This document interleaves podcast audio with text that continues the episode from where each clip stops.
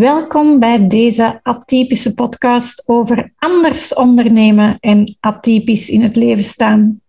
Ik ben Annelies Delmoitier, veertiger, moeder van twee en in 2014 ben ik bewust uit de Red Race gestapt om ondernemer te worden.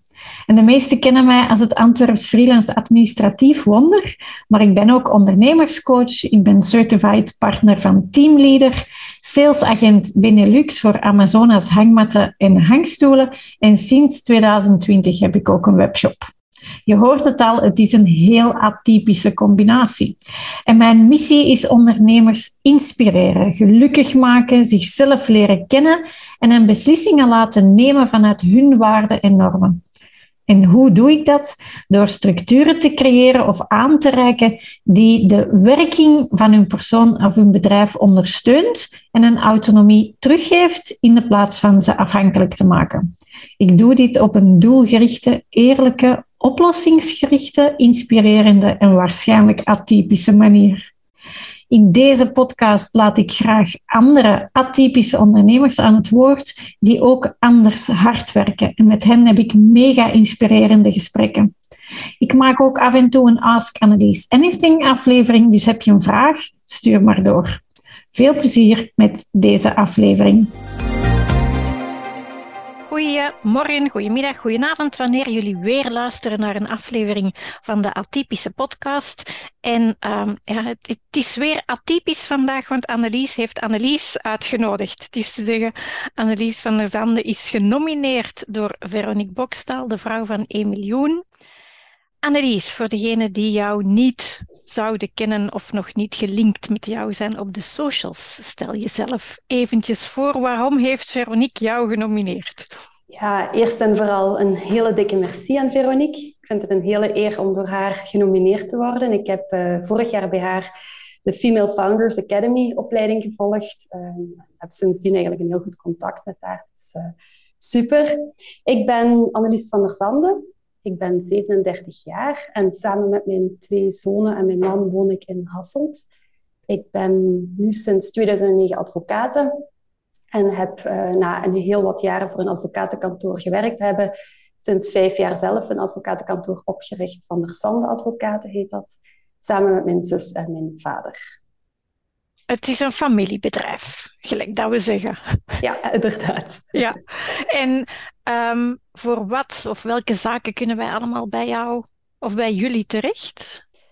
Um, ja, doorheen de jaren hebben we zowel ondervonden wat we eigenlijk het liefste doen. En daar proberen we ons ook vooral op te focussen. En dat is voornamelijk wat, uh, alles wat te maken heeft bijvoorbeeld met verkeersrecht. Hè. Dat gaat dan van verkeersovertredingen, zoals uh, mensen die te snel gereden hebben, te veel gedronken hebben en voor de rechtbank moeten verschijnen, maar ook de afhandeling van verkeersongevallen, um, eventuele discussies over wie dat er verantwoordelijk, wie dat er verantwoordelijk is of uh, de begroting van de schade achteraf. Daarnaast doen we ook veel medische fouten um, algemene aansprakelijkheidsdiscussies, um, maar ook ja, bouw- of huurgeschillen en helpen we ook graag ondernemingen met zo de lokale besluiten.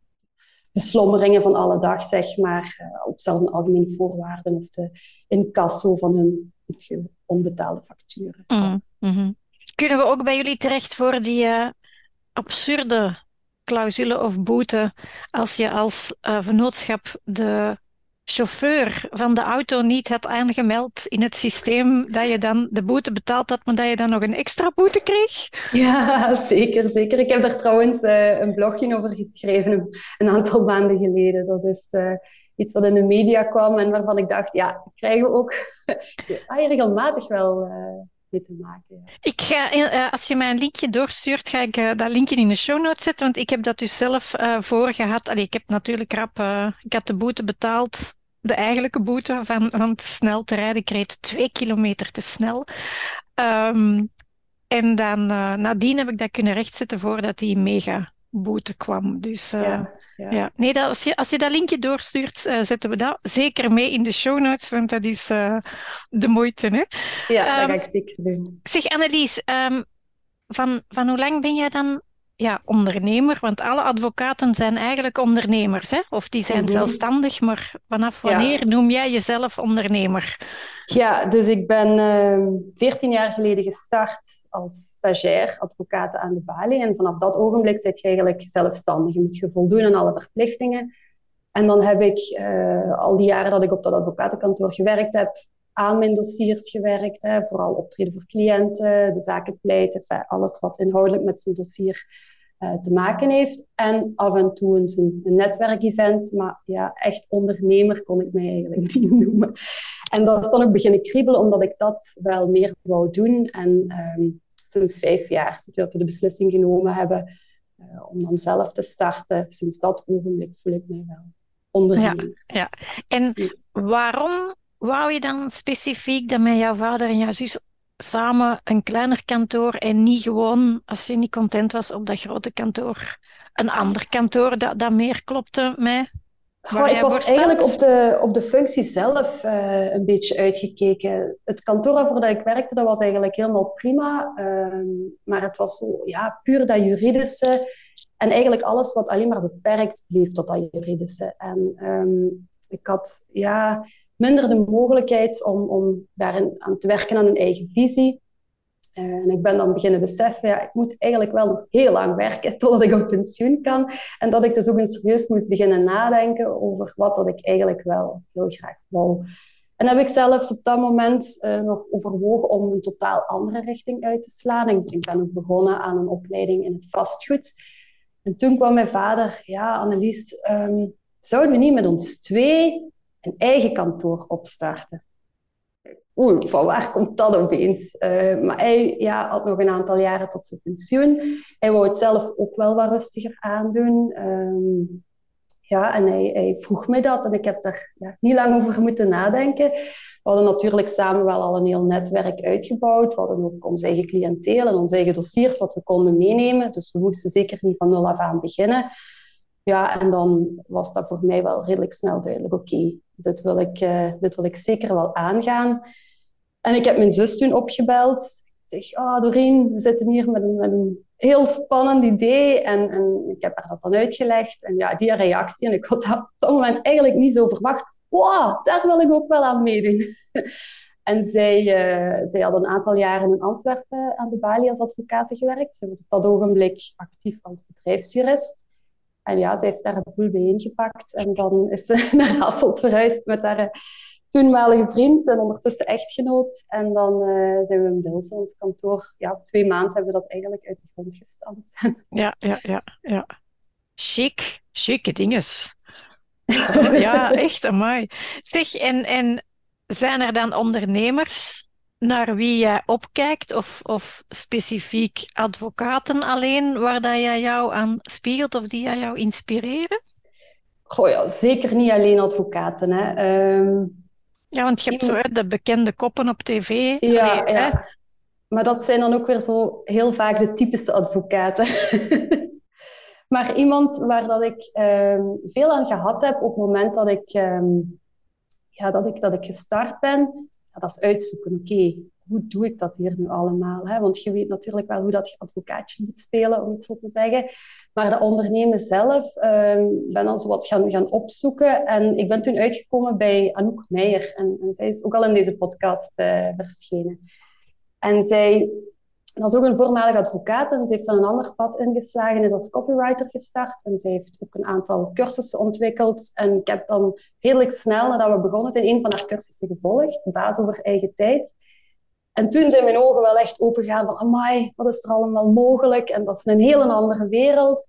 En ik heb van haar heel veel tips gekregen, ook persoonlijk. En uh, ja, veel, veel tips qua boeken ook. En ben ik ook heel veel beginnen lezen. Dus dat is zo'n persoon waar dat ik wel, uh, wel naar opkijk. Ook de manier waarop dat ze dat allemaal aanpakt. Zij heeft ondertussen verschillende cursussen. En doet dat met heel veel lef en heel veel humor. En dat vind ik wel heel plezant. Ja. Ja, ja ik heb net met haar een tactische briefing achter de rug. Dus... Ah ja, voilà. het, komt, het loopt waar dat niet gaan kan. Zeg, en uh, je zei het zelf al. Wat is er dan zo typisch aan advocaatjes spelen en wat is er atypisch aan Annelies van der Zanden? Ja, de typische advocaat. Hè. Er bestaan zeer veel vooroordelen over advocaten. En, en jammer genoeg zijn een heel aantal vooroordelen ook wel gewoon waar. Uh, niet helemaal onterecht. Uh, Zo'n typisch vooroordeel is dat uh, advocaten heel graag in complex wollig en juridisch-technisch jargon spreken. En, en, het is natuurlijk zo, als wij voor de rechtbank onze zaak moeten gaan uitleggen, dat we juridische begrippen moeten gaan toelichten en als wij, dat wij moeten verwijzen naar rechtspraak. Maar um, veel advocaten vergeten dat de cliënten waarvoor dat ze optreden dat heel vaak gewoon niet begrijpen. Hè? En, en, als ze dan brieven beginnen sturen in datzelfde jargon, uh, om het woord toch nog maar een keer te gebruiken, ja, wij kregen toen heel vaak de vraag, en hoe zit dat juist? En uh, ja, zaken bijvoorbeeld, hoe verloopt een, een, procedure? Voor ons is dat heel logisch en wij wilden dat dan op die manier ook uitleggen aan onze cliënten, maar die vragen die kwamen elke keer terug. En dan uh, zijn we begonnen met, met uh, ja, daaraan te werken. En hoe kunnen we dat oplossen? En hoe kunnen we vermijden dat we die vragen gaan blijven krijgen? En Doreen en ik hebben dan, zijn dan gestart met het ontwerpen van, van brochures. Dus op een, op een heel visuele en chronologische manier dat we geprobeerd hebben om toe te lichten, ja, wat staat er eigenlijk te gebeuren en waarom is dat zo? En um, daar kregen we wel heel positieve feedback op dat dat, dat wel, werkte. En tijdens corona hebben we dat nog een, een beetje verder uitgebouwd en zijn we zo een, uh, een handleiding beginnen schrijven voor burgers om zichzelf te verdedigen voor de politierechtbank. Um, en ja, we merkten dat heel veel burgers die op de politierechtbank moeten verschijnen, dat die daar nog zelf gaan zitten zonder advocaat en dat die zelf daar hun zeg gaan doen. En dan zitten we daar en dan denken we, ai nee, had dat toch gezegd of had dat toch gezegd? Ja, en soms gebeurt het dan dat ze eigenlijk een zwaardere straf krijgen dan, dan nodig. Hè? En uh, ja, we hebben daar dan aan gewerkt en dat idee hebben we dan wat verder ontwikkeld. En um, we hebben van ja, die laagdrempelige juridische bijstand een stokpaardje een beetje gemaakt. En voor die handleiding kunnen dan ook mensen die ja, ze geen advocaat willen raadplegen of, of kunnen raadplegen, uh, dat ze dan toch weten wat dat ze best zeggen en wat dat ze best niet zeggen. Ja, ik krijg nu zo van die flashbacks van de rechtbank en dan uh, ja. zie je wat dat daar allemaal soms zit. Ja, ja. Ja. ja soms ja, is het hilarisch, maar dat is, dat is soms ook echt pijnlijk om te zien. Hè? Ja, en we kregen, we kregen wel dan, toen dat we die handleiding hadden uitgebracht, uh, de vraag en de opmerking van onder andere andere advocaten, ja, maar schiet je dat niet in je eigen voet? Hè? Dat is toch tegen uw winkel in? Um, maar ja, we zijn het daar eigenlijk niet mee eens, omdat we daar net de mensen mee bereiken die wat nooit een advocaat zouden raadplegen. Hè? Want veel mensen, en, de meeste mensen weten dat jammer genoeg niet, hebben in, in, in, een autoverzekering al recht op een gratis advocaat. Dus uh, als zij een accident hebben met een auto of ze moeten verschijnen omdat ze te veel gedronken hebben, ik zeg maar iets, dan zit in hun polis rechtsbijstand, wat ze automatisch hebben bij een autoverzekering, de bijstand van een advocaat die dan volledig betaald wordt door de verzekeraar. Mm-hmm. Ja, is het natuurlijk wel de plicht van de, een van de mensen om het aan te geven aan een makelaar, maar twee ook van de makelaar om dat dan uh, te gaan zeggen wat de rechten zijn en, en, waar dat ze zich op kunnen beroepen en uh, mm-hmm. waar dat ze advies kunnen inwinnen. Hè. Mm-hmm. Ja. ja, het is al vaak zo een kluwen. Hè? Een kluwen, aan mij. ja, ja. Um, wat ik ook meestal vraag is of dat je weet wanneer dat jouw aha-moment was. Dat je met jullie kantoor echt binnenkreeg van damn, wij zijn echt ja, goed in wat dat we doen. Ja, um, waar dat wij redelijk snel mee gestart zijn, uh, toen, dat we, toen dat ons kantoor opgericht hebben en waar dat ik nog geen seconde spijt van gehad heb, is dat we reviews zijn beginnen verzamelen.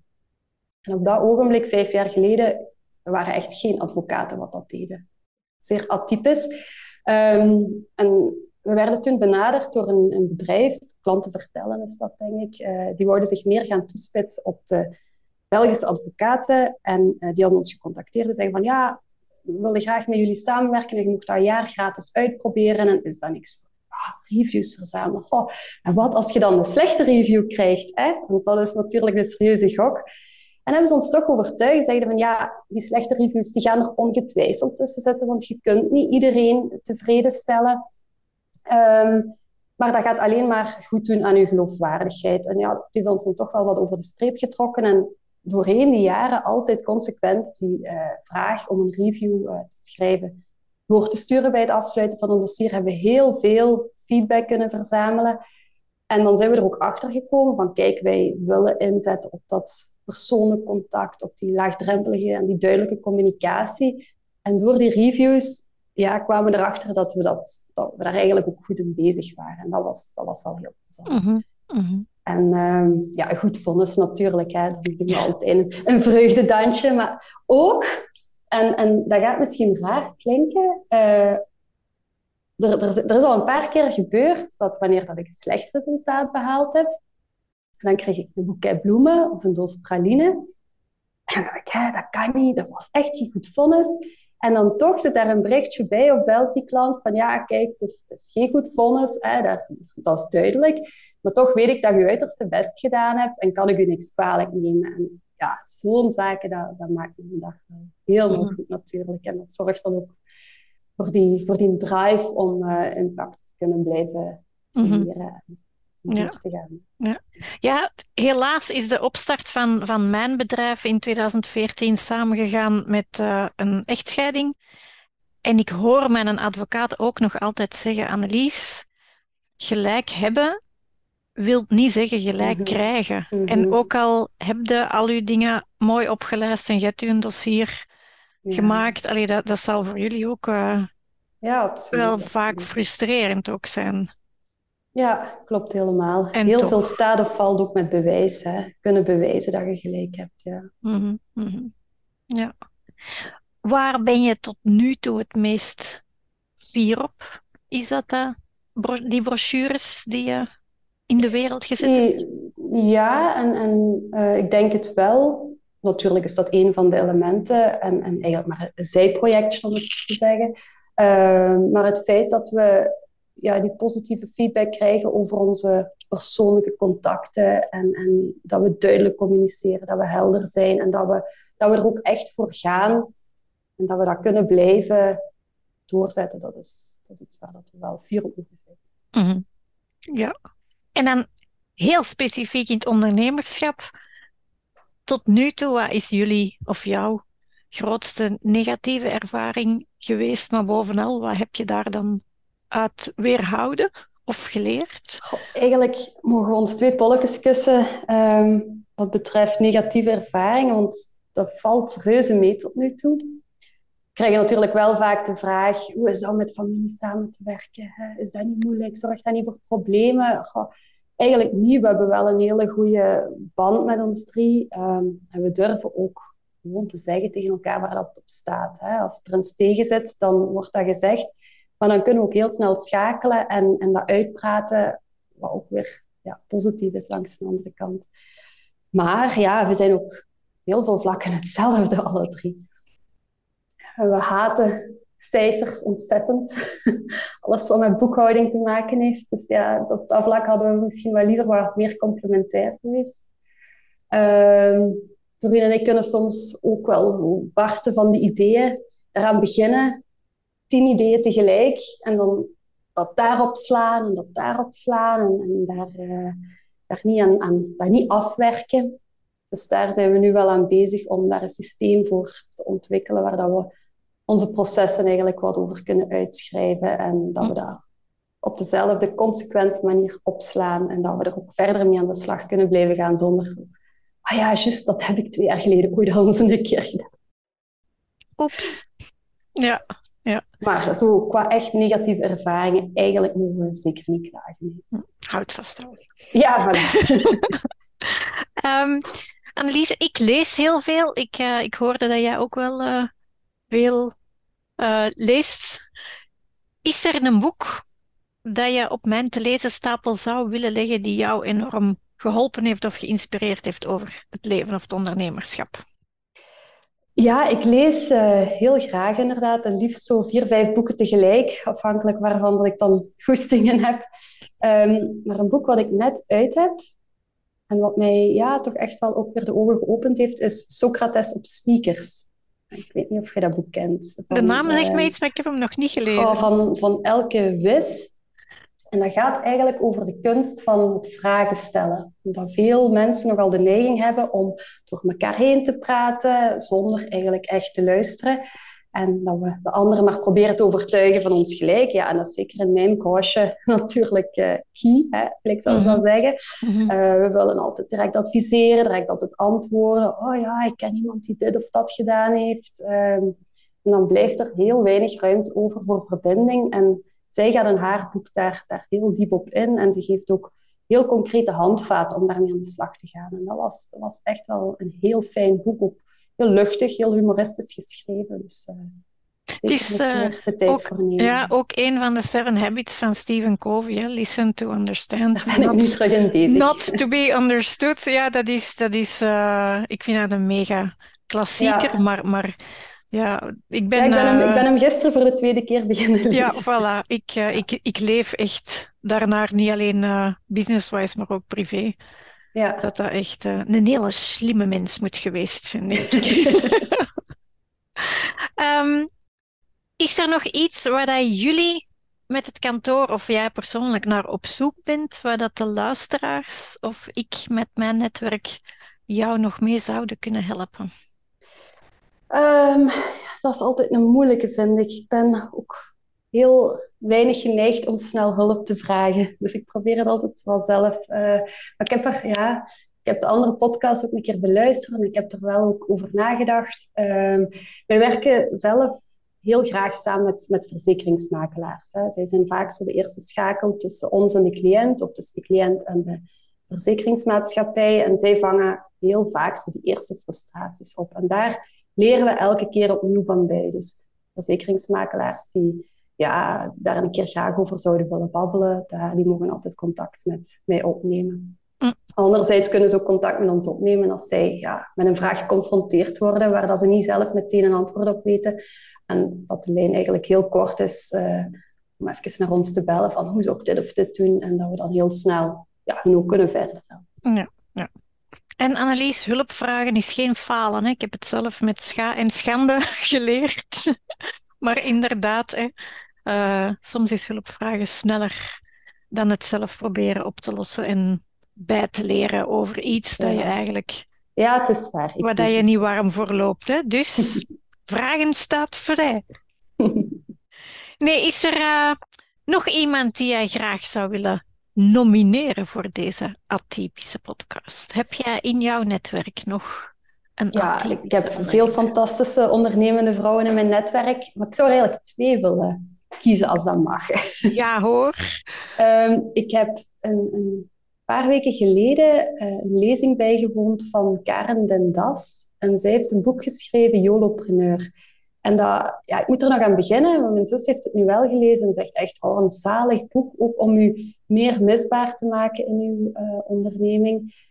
En uh, over het uitwerken en ontwikkelen van die systemen en van die processen. Dus uh, ik denk dat zij ook ja, een heel interessante gesprekspartner kan zijn voor, voor deze podcast. Um, en een andere onderneemster is Anne Verlinden van Infinio. En zij coacht uh, bedrijfsleiders. en zij is nu zelf ook een boek aan het schrijven. Ik heb haar eigenlijk eerst privé leren kennen aan de schoolpoort. En pas later als onderneemster. Maar is ook een hele toffe en inspirerende madame. Wat, wat zeker ons allemaal van alles nog kan bijbrengen in deze podcast. Ik zet ze alle twee op het lijstje. Veronique had Karen ook al uh, genomineerd, dus dan heeft hij twee nominaties aan haar rekker, gelijk dat wij zeggen.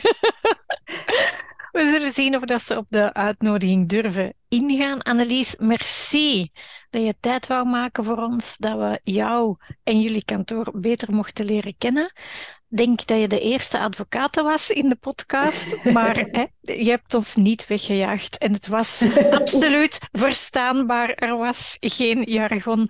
Merci, merci. En hopelijk een keer tot in real life, maar dan niet business-wise, zullen we zo ah, voilà. spreken. Ja. Voor u ook heel veel merci. Dat is heel graag gedaan. Dada. Dag. Dank je wel voor het luisteren. En hoor je me graag bezig en wil je zeker geen aflevering missen? Volg me dan op Spotify of abonneer je via iTunes. Laat daar eventueel ook een review na, want hoe meer atypische zielen in de ondernemerswereld, hoe liever volgens mij. Via Checkpot kan je een recensie geven. Dat zou ik mega fantastisch fijn vinden. En heb je liever beeld bij de klank? Abonneer je dan zeker op mijn playlist op het YouTube-kanaal. De show notes kan je vinden via mijn website www.endless.biz podcast. En Endless is heel atypisch met de A van Annelies. Ik kijk alvast uit naar de volgende aflevering en hopelijk jullie ook. Tada!